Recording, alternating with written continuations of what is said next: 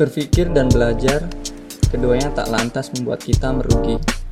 Sebaliknya, justru berpikir dan belajar membuat kita memahami mana yang baik dan mana yang buruk.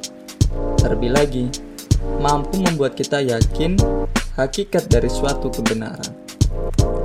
Aku Sonana Rohman, enjoy my podcast.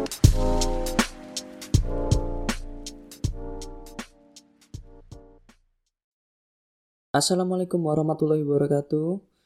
Salam sejahtera untuk kita semua. Well, gimana kabarnya kalian?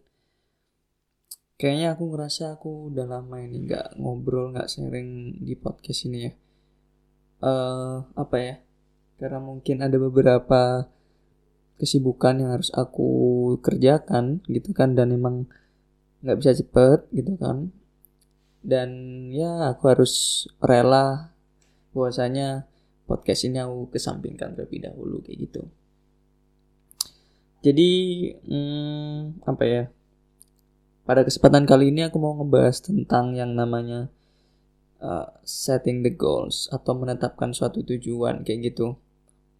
Hmm, aku rasa penting untuk ngebahas ini karena mungkin ada beberapa orang di luar sana gitu kan yang masih nggak tahu tujuannya itu apa kayak gitu uh, tujuan di sini secara umum ya dalam artian tidak spesifik uh, maksudnya apa ya perwujudan tujuan itu nggak apa yang nggak harus ke hanya pekerjaan kayak gitu. Nggak harus ke studi aja gitu. Tapi tujuan secara umum artinya sih ini bisa applicable ya kepada semua bidang kayak gitu. Artinya sih bahkan hidup sendiri harus punya tujuan. Uh, aku rasa sih uh, bahwasanya kalau kita emang nggak punya tujuan itu terombang-ambing jatuhnya gitu kan. Dan apa ya namanya juga terombang-ambing ikut arus A ikut arus B gampang banget. Terus kita nggak punya pendirian juga dan ya gampang terpengaruh gitu kan. Syukur-syukur terpengaruh yang baik gitu kan. Bagaimana jikalau apa ya terpengaruh dengan hal yang buruk gitu. Kita terjerumus di sana kan cukup berbahaya kayak gitu kan.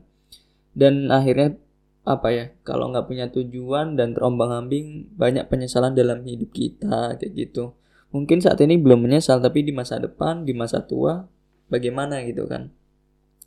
So aku harap sih teman-teman yang dengerin ini bisa ya belajar banyak gitu kan. Nantinya teman-teman bisa uh, apa ya habis dengerin ini share personal lah ya uh, ke aku gitu kan secara pribadi gitu kan. Bisa DM atau chat aja gitu kan di sosmed tentang cara kalian menetapkan suatu tujuan Nah, apa yang aku sharing ini sifatnya sih objektif ya, tapi aku akan masukkan beberapa referensi dari artikel yang udah aku baca kayak gitu. Tentang menetapkan suatu tujuan kayak gitu. Well, mungkin kita langsung aja ya. Tapi sebelum kita ngebahas tentang bagaimana cara menetapkan suatu tujuan, kita ngebahas dulu tentang makna tujuan itu sendiri kayak gitu. Well, um, menurut ini aku dari artikel adalah .co.id di artikel ini uh, dimention bahwasanya tujuan merupakan penjabaran dari visi dan misi dan juga merupakan hal yang akan dicapai atau dihasilkan oleh organisasi atau perusahaan uh, dan bahkan uh, individu kayak gitu. Nah di di akhir artikel uh, adalah .co.id ini menyimpulkan seperti ini. Uh, dapat kita simpulkan bahwa pengertian tujuan adalah penjabaran dari visi dan misi dan merupakan hal yang akan dicapai atau dihasilkan gitu. Tujuan juga merupakan gagasan tentang masa depan atau hasil yang diinginkan yang seseorang atau sekelompok orang bayangkan, rencanakan dan berkomitmen untuk mencapainya. Orang berusaha untuk mencapai tujuan dalam waktu yang terbatas dengan menetapkan tenggat waktu mungkin dari perspektifku tujuan itu adalah hal yang uh, fundamental meskipun fundamental tapi itu uh, berkolerasi dengan hasil akhir kayak gitu. Namun untuk mencapai hasil akhirnya butuh suatu proses. Ada suatu rencana gitu kan, ada suatu imajinasi dan bahkan uh, apa ya keistiqomahan dalam mencapai itu. Ini berlaku untuk individu maupun sekelompok orang atau organisasi gitu ya. Dan lain hal. Nah, itu adalah uh, tujuan uh, makna tujuan itu sendiri. Tapi tidak sekedar seperti itu ya. artinya tujuan itu sendiri bisa dipandang bahwasanya itu adalah jal apa ya kalau di baratnya di anime di Naruto itu jalan ninjaku kayak gitu sama halnya di kehidupan nyata mungkin kita bisa uh, apa ya istilahkan bahwasanya itu ada jalan hidup. Bukan tujuan apa ya bukan artinya tuh artinya tujuan itu adalah hidup itu sendiri gitu kan. Jadi dia ingin uh, hidup di dunia ini hidup di suatu pekerjaan hidup dalam suatu bidang studi dan sebagainya itu uh, ada tujuannya dan dia ingin hidup di kehidupan itu. Dia ingin merasa hidup gitu. Dalam tanda kutip ya uh, feeling alive into the life itself kayak gitu. Serta uh, tujuan itu bisa apa ya? Bisa dalam uh, bentuk suatu pandangan filosofis gitu kan di mana itu akan menjadi ketika kita uh, apa ya punya filosofi hidup artinya kita akan hidup uh, sesuai dengan ideologi kita itu gitu kan yang kita yakini gitu kan. Jadi kita menjalankan apa pun aktivitas dalam kehidupan kita dalam kerjaan uh, apa ya sekolah atau studi ya gitu kan. Uh, apa ya covernya atau frame-nya ya sorry frame-nya itu uh, adalah tujuan itu. Dan apa ya hebat sekali um, apa ya kekuatan dari tujuan. Kalau kita punya tujuan sebagai eh, sebagai manusia kita kalau kita punya tujuan adalah itu yang bisa nge-trigger kita survive dalam kehidupan ini.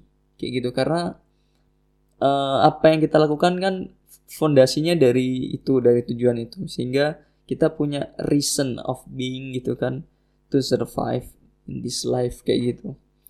So ini keren banget menurutku aku harap teman-teman semua juga punya tujuan ya yang jelas kayak gitu karena kalau nggak jelas juga susah gitu kita akan lebih lanjut lagi ngobrolin tentang uh, setting the goals ya uh, yang selanjutnya aku mau bahas tentang jenis tujuan. Jadi pertama kita udah bahas tentang mana tujuan gitu kan. Sekarang kita bahas tentang jenis tujuan. Ternyata dari uh, ini ya dari buku psikologi khusus uh, secara spesifik adalah sport psychology uh, yang pernah aku baca. Jadi, jadi jenis tujuan itu ada dua. Yang pertama adalah uh, tujuan subjektif dan yang pertama adalah tujuan subjektif dan yang kedua adalah tujuan objektif. Di mana tujuan objektif itu sifatnya umum. Uh, let's say aku ingin sukses gitu. Jadi tujuanku adalah tujuanku adalah menjadi menjadi orang sukses. Itu adalah tujuan yang subjektif umum. Nah, maksudnya adalah umum adalah kesuksesan ini sendiri tidak terspesifikasi uh, gitu, tidak terdetailkan. Maksudnya apa sukses ini? Gitu kan. Sukses dalam uh, karir kah, sukses dalam studi kah atau sukses dalam asmara dan lain sebagainya gitu. Kalaupun memang sukses dalam pekerjaan misalnya jadi pebisnis, ya bisnis apa gitu kan. Nah, di sini uh, apa ya? bukan bias juga tapi masih uh, aku katakan sih uncertain gitu kan uh, apa ya belum pasti di situlah jadi emang per, uh, perlu uh, hal ini lebih dispesifikkan biar ya kita jelas kita udah menentukan ini nah untuk yang lebih jelasnya gitu kan itu adalah tujuan objektif ya yang sebaliknya nih yang satu lagi ya jadi tujuan jenis tujuan uh, yang kedua itu adalah tujuan objektif, di mana tujuan objektif ini terukur. Ya, lebih jelas lagi. Secara sederhana sih lebih jelas daripada yang subjektif ya gitu. Uh, let's say aku ingin menjadi eh, CEO Google di tahun 2030. Ambil contoh seperti itu. Ini tujuan Tujuannya jelas, jadi CEO CEO Google di tahun 2030 gitu. Nah, itu itu lebih jelas lagi meskipun ya memang belum terlalu jelas banget ya, tapi itu setidaknya jauh lebih jelas ketimbang yang subjektif yang aku ingin sukses kayak gitu. selain daripada emang jelas dia terukur ya kan? Ada rentang waktunya. Di tahun 2030 aku bilang tadi gitu kan. Sehingga um, apa ya um, relevan dengan yang namanya waktu sehingga itu akan jauh lebih bisa kita apa ya camkan dalam pikiran kita dan hati kita. Sehingga apa yang kita lakukan misalnya sekarang tahun 2021 gitu kan. Apa yang kita lakukan sepanjang uh, mencapai tujuan itu dari 2022 sampai 2030 itu udah jelas tahapannya ngapain. Itu akan lebih memudahkan kita dalam menetapkan tujuan yang akan kita bahas selanjutnya. Itu intinya sih ketika kita ngebahas uh, apa ya tujuan objektif gitu kan. Teman-teman inget aja deh istilah SMART. S M A R T. Smart uh, singkatannya smart ya abbreviationnya smart gitu kan. Nah, di mana S-nya itu specific M-nya itu miserable atau terukur A-nya itu achievable R-nya itu relevant time-nya time bound. Nah S specific ya udah jelas ya detail. Miserable terukur artinya terukur ini kita bisa memandang kita ini kayak gimana sih sekarang saat ini? Dan tujuan kita ini berhubungan dengan time bound ya di mana ada rentang waktunya misalnya 2030 tadi. Sekarang kemampuan kita seperti apa gitu kan? Misalnya aku sekarang lagi pengangguran terus 2030 hmm, apa? Jadi CEO Google. Mungkin gak sih? Ya mungkin aja gitu kan. Kita nggak bisa ngelepas dari takdir Allah juga ya gitu loh. Tapi jelas kode dan kodarnya jelas gitu. Maksudnya ketika kita mengtakdirkan ada kodok dan kodar kan. Di mana kalau emang takdir yang kita kendaki gitu kan kodok gitu kan uh, akan ada yang namanya suatu korelasi dengan kodarnya yang ditetapkan oleh Allah Subhanahu Wa Taala gitu kan. Uh, tapi itu harus logik gitu loh. Misalnya kita sekarang pengangguran dan uh, apa 2030 kita ingin jadi CEO kira-kira mampu nggak gitu? Kalau semisal uh, apa kita pikirkan eh, kayaknya belum bisa deh mungkin di 2000, eh, 2035 itu baru mungkin. Nah itu itu akan jauh lebih baik. Itu artinya terukur. Ketika tidak terukur buatlah itu menjadi terukur. Ya gitu. Ataupun kalau kalian tidak mau merubah uh, time boundnya gitu kan di 2030 artinya plan kalian dari 2022 2023 itu harus seperti apa ketika kalian startnya dari nol banget itu kalau kalau ka, karena kalau nggak demikian itu nggak achievable artinya yang A kita S tadi adalah specific, M adalah miserable dan E-nya adalah achievable. Dapat dicapai nggak gitu loh.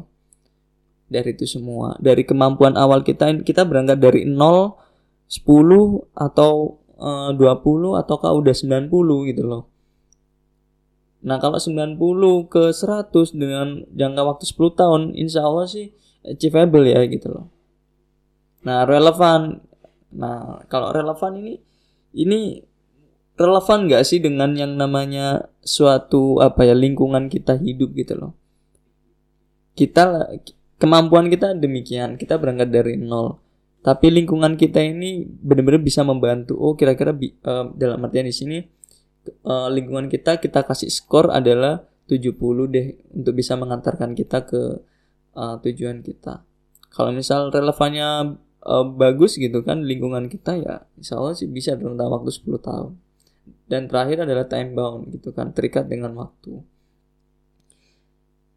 Itulah ya jadi diingat-ingat uh, perihal setting the goal yang mana jenis tujuannya adalah objektif. Ingat aja smart kayak gitu udah itu udah jelas banget. Dan kita ke pembahasan intinya nih. Cara menetapkan suatu tujuan Nah, apa yang ditetapkan di sini, tujuan ditetapkan di sini, uh, yang kita tetapkan di sini perihal tujuannya adalah tentang yang tujuan objektif ya, bukan tujuan subjektif. Artinya, jikalau sampai saat ini teman-teman uh, merasa tujuannya itu masih subjektif, gantilah itu dengan yang objektif. Ya, harus diganti dengan objektif. Dan itu emang ya sederhananya tadi detail, jelas, terukur gitu kan atau yang uh, apa ya spesifik, miserable, terukur ya. E-nya achievable gitu kan R-nya itu relevan dan terakhir T-nya itu time bound kayak gitu Nah, langkah pertama untuk menetapkan suatu tujuan objektif gitu kan biar lebih jelas nih gitu kan. Dan ya kita berpikir ini bisa dicapai kayak gitu. Adalah pertama itu kita harus mengenali diri kita. Who we are. Karena udah jelas gitu kan. Ini adalah tentang kita. Artinya sih ketika kita memandang suatu hal gitu kan. Ingat subjek dan objeknya si subjek ini siapa jangan ini tujuan itu adalah objek ya subjek itu adalah kita boro-boro kita mencapai tujuan kalau kita itu nggak kenal subjeknya gitu loh ambil contoh mau uh, apa ya teman-teman mau hmm, mempelajari sorry jangan deh. Teman-teman mau jadi seorang guru gitu kan. Jadi ini kita ngomong pekerjaan aja. Mau menjadi seorang uh, apa ya editor kayak gitu. Nah teman-teman harus kenali dirinya itu seperti apa dulu. Gitu kan. Oh uh, aku ini basicnya tidak tidak editor kayak gitu. Tapi pengen jadi editor. Nah teman-teman harus kenali diri sendiri dulu gitu. Dengan aku yang tidak tahu sama sekali tentang editor terus membahas tentang editor ini gimana ya gitu. Teman-teman harus gimana dulu saya tuh membahas tentang editornya editingnya kayak gitu. Nah sama halnya dengan eh, menetapkan tujuan ini teman-teman harus kenali diri sendiri terlebih dahulu teman-teman ini tipikalnya orang yang seperti apa maksudnya ketika aku membahas tipikalnya teman-teman seperti apa atau diri kita ini seperti apa adalah teman-teman perlu menganalisis ya di sini. Nah, analisis aja menggunakan analisis SWOT gitu kan. Strengthnya teman-teman itu apa, weaknessnya apa, terus uh, opportunity-nya apa, potensi lah ya itu ibaratnya dan teman-teman ini ancamannya seperti apa. Ya nggak perlu mendetail uh, ya oke okay, mendetail nggak apa-apa tapi kalau teman-teman tidak ber, uh, tidak ingin mendetail sekali layaknya analis suatu suatu organisasi atau suatu perusahaan ya ya intinya sih teman-teman analisis kelebihan dan kekurangan potensi teman-teman itu seperti apa serta analisis tentang uh, apa ya skill teman-teman atau keterampilan teman-teman. Udah sejauh mana sih? Kayak gitu. Karena itu sangat membantu sekali gitu kan. Ketika teman-teman tidak mengetahui uh, strengthnya atau kelebihannya seperti apa atau kekurangan seperti apa ketika menjalani uh, suatu rencana untuk mencapai tujuan itu teman-teman akan sangat akan sangat kerepotan sekali. Gitu dan itu sungguh tidak tidak membantu teman-teman bahkan gitu loh artinya ketika teman-teman bisa mengetahui kelebihannya seperti apa potensinya seperti apa Formulasikan itu untuk suatu hal yang mana membantu teman-teman untuk mencapai tujuannya gitu loh. Sehingga tujuannya itu bisa ya tercapai sesuai dengan harapan atau apa uh, atau sesuai dengan apa yang teman-teman sudah tetapkan sebelumnya. Ya. Jadi kenali dulu diri teman-teman pertama cara untuk mencapai tujuan secara uh, yang tujuan objektif maksudnya adalah kenali dulu kenali dulu diri teman-teman. Kenali seperti apa, analisis seperti apa, gitu kan. Yaitu sederhananya adalah kelebihan, kekurangan, potensi, dan sejauh mana keterampilan teman-teman yang sudah teman-teman kuasai. Kayak gitu. Ya. Selanjutnya, teman-teman bisa kalau aku sih ini ya, metodenya adalah teman-teman bisa Pak eh, bikin aja uh, to do list kayak gitu loh. Sebenarnya bukan to do list ya. Kalau to do list kurang kuat juga sih. Must do list mungkin ya. Jadi list-list yang mengharus banget dilakukan gitu dan wajib gitu kan. Adalah setelah kita mengenali diri sendiri selanjutnya kita bikin list tentang yang namanya perencanaan. So kita bikin perencanaan strategi gitu kan.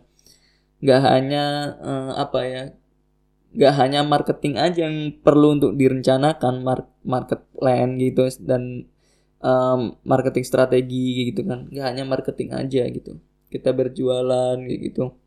Sehingga customer bisa beli dengan baik dengan sesuai dengan uh, apa yang udah kita rencanakan. Tapi tujuan kita pun sama gitu loh. Sama halnya kita mau aduh aku pengen aku punya produk aku mau jualan nih tujuanku kan ini laku nih.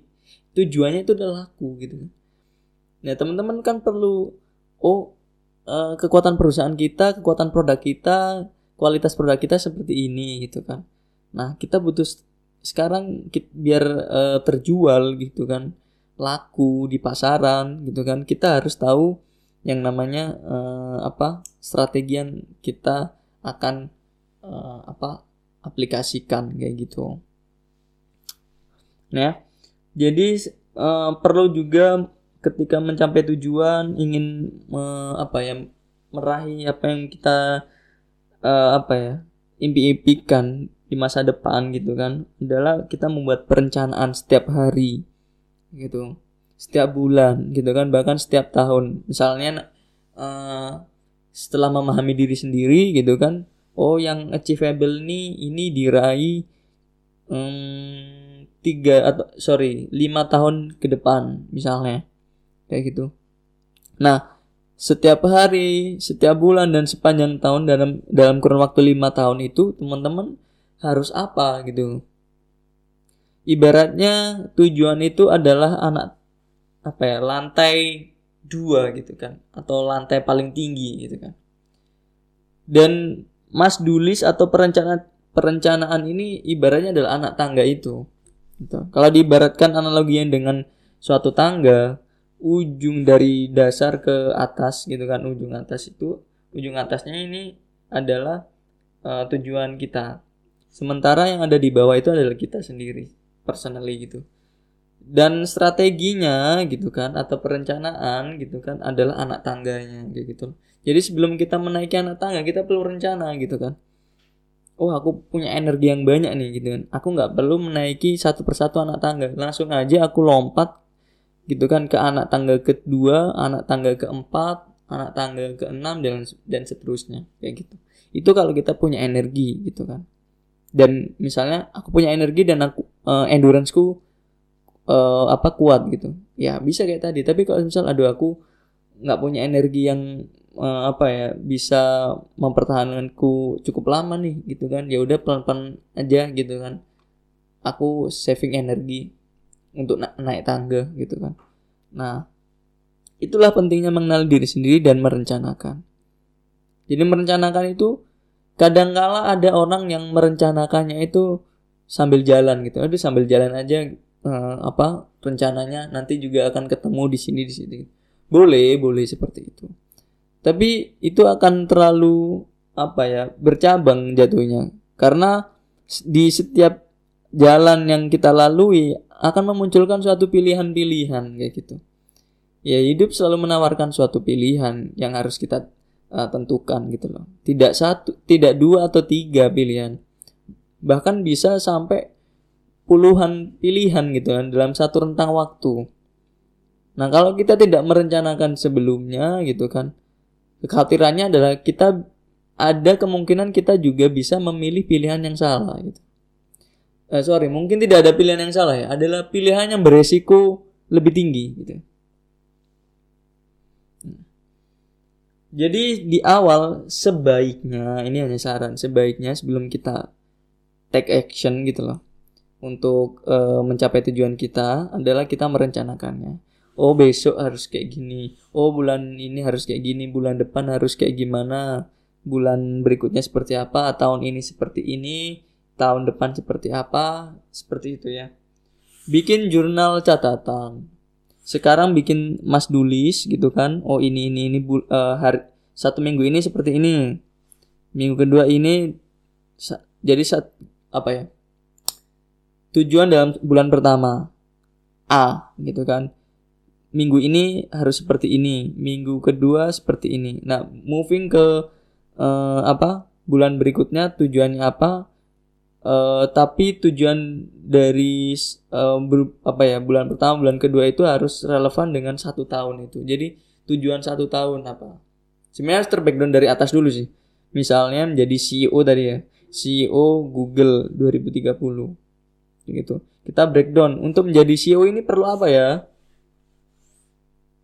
Oh ini dulu harus dilakukan. Misalnya ini harus ditaruh eh, di tahun pertama. Untuk menjadi CEO aku harus at least bergelar sarjana gitu kan.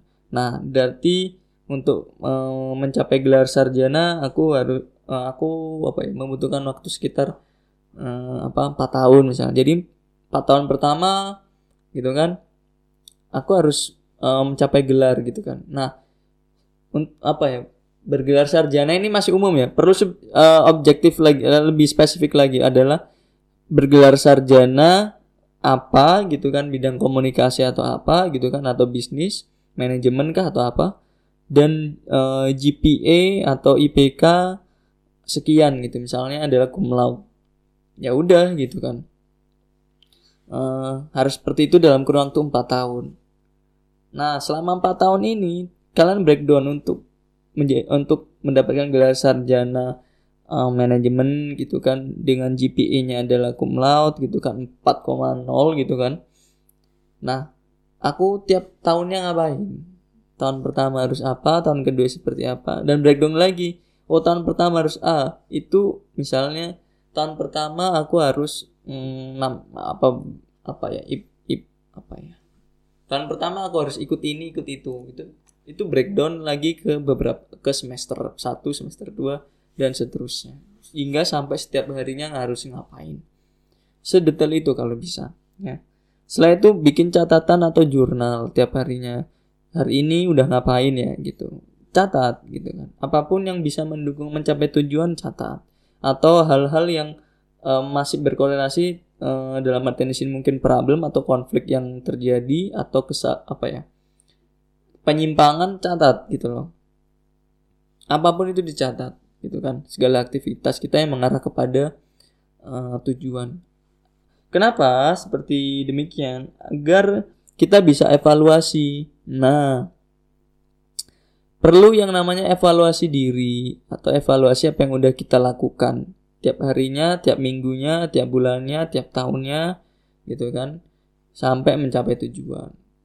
Ketika formula kita atau strategi kita itu misalnya hari uh, bulan ini, wah nggak mencapai target tuh, teman-teman evaluasi, analisis dulu. Saya itu eva evaluasi harus apa ya?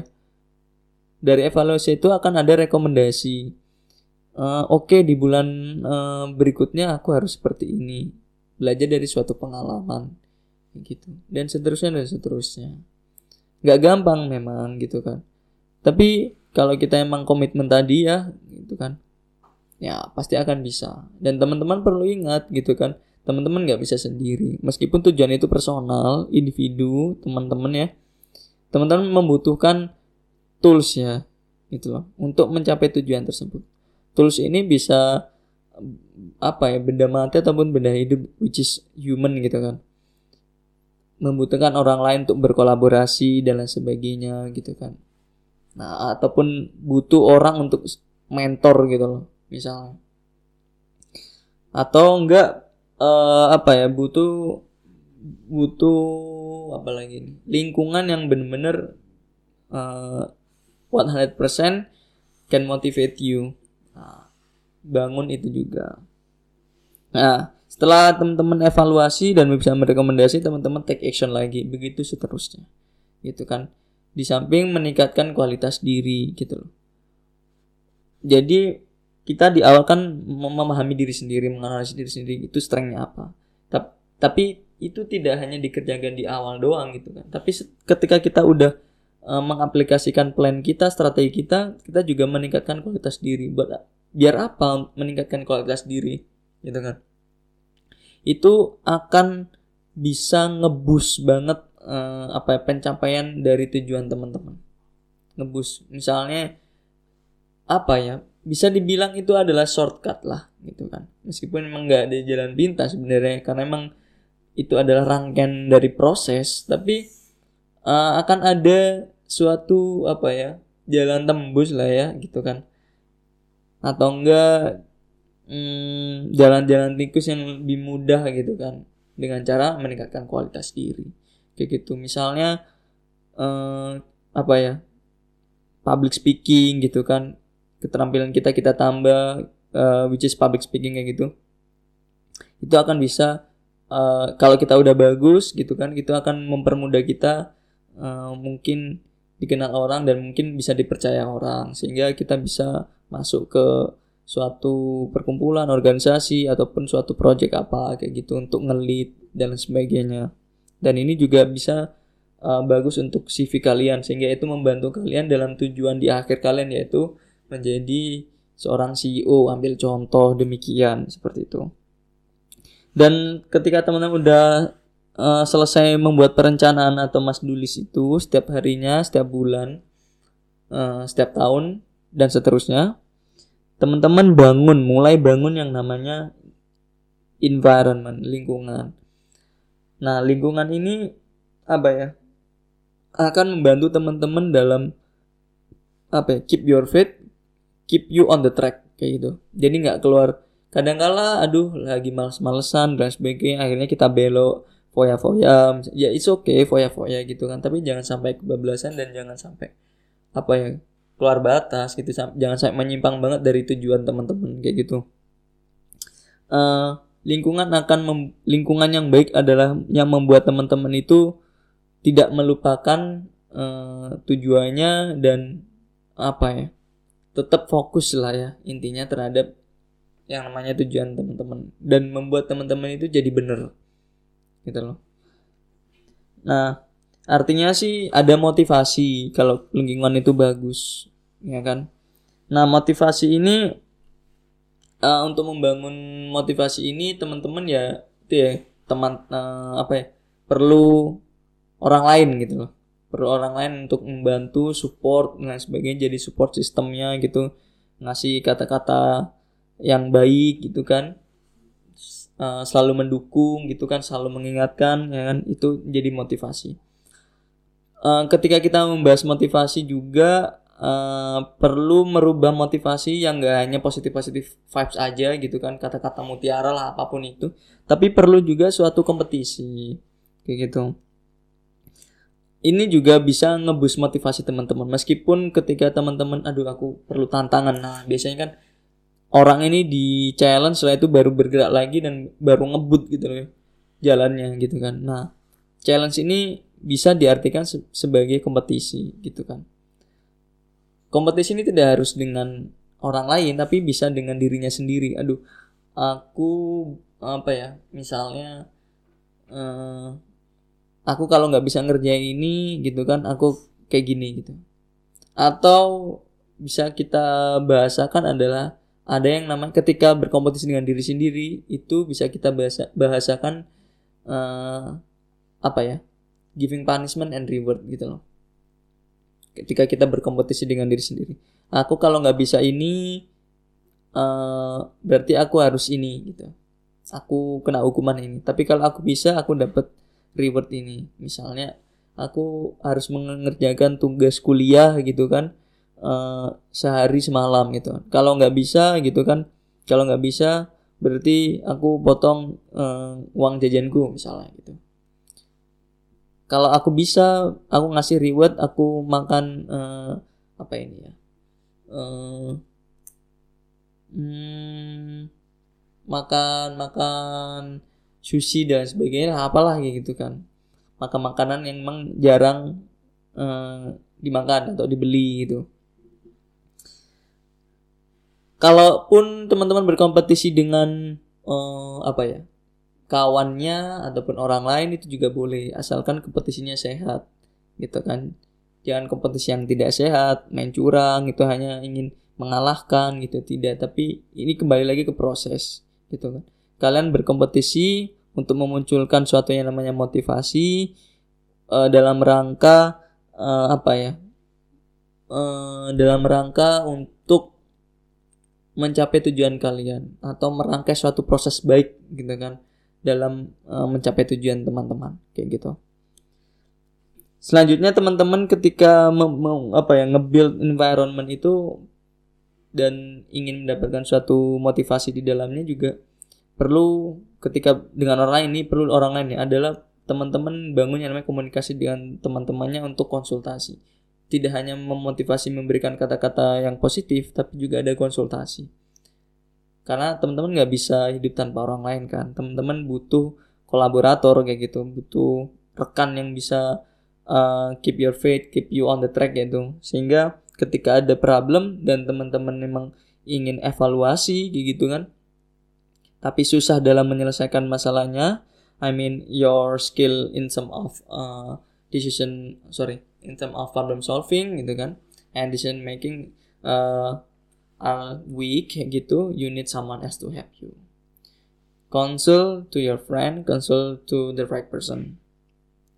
That's so much better. Itu. Jadi ketika teman-teman nggak bisa nggak bisa I don't know what to do gitu kan.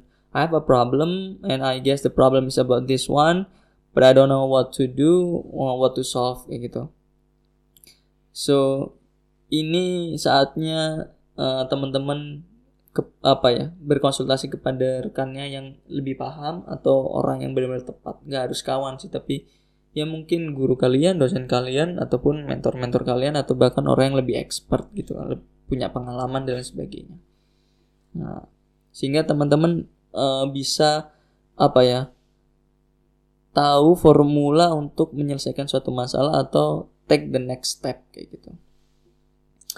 Nah teman-teman juga selanjutnya selain environment tadi gitu kan yang mana itu berkorelasi terhadap yang namanya motivasi kompetisi konsultasi ini kan reward and punishment. Teman-teman bangun tuh selanjutnya ter, uh, yang namanya critical thinking gitu. Jadi uh, apa ya kemampuan berpikir kritis. Ini perlu karena uh, ini juga membantu ya dalam menetapkan suatu tujuan kayak gitu. Merencanakan sehingga ketika, ketika di tengah jalan I believe that uh, in the middle of time uh, we will face the unpredictable thing gitu. Hal-hal yang unpredictable itu sangat besar sekali terjadi gitu. Kemungkinannya besar sekali untuk terjadi. So ketika teman-teman tidak memiliki kemampuan berpikir kritis yang baik gitu kan yang bagus gitu kan nah teman-teman akan luput dari itu semua. Dari unpredictable thing tadi gitu. Tem karena teman-teman perlu yang namanya forecast and implement gitu loh. Ketika kalian apa ya critical thinking oh kayak gini ada tanda-tanda biasanya itu ada sign-sign tertentu gitu kan uh, teman-teman bakal dapetin insight dari desain itu teman-teman akan bisa mempre mempredik gitu loh atau forecast oh bakal seperti ini dan sebagainya.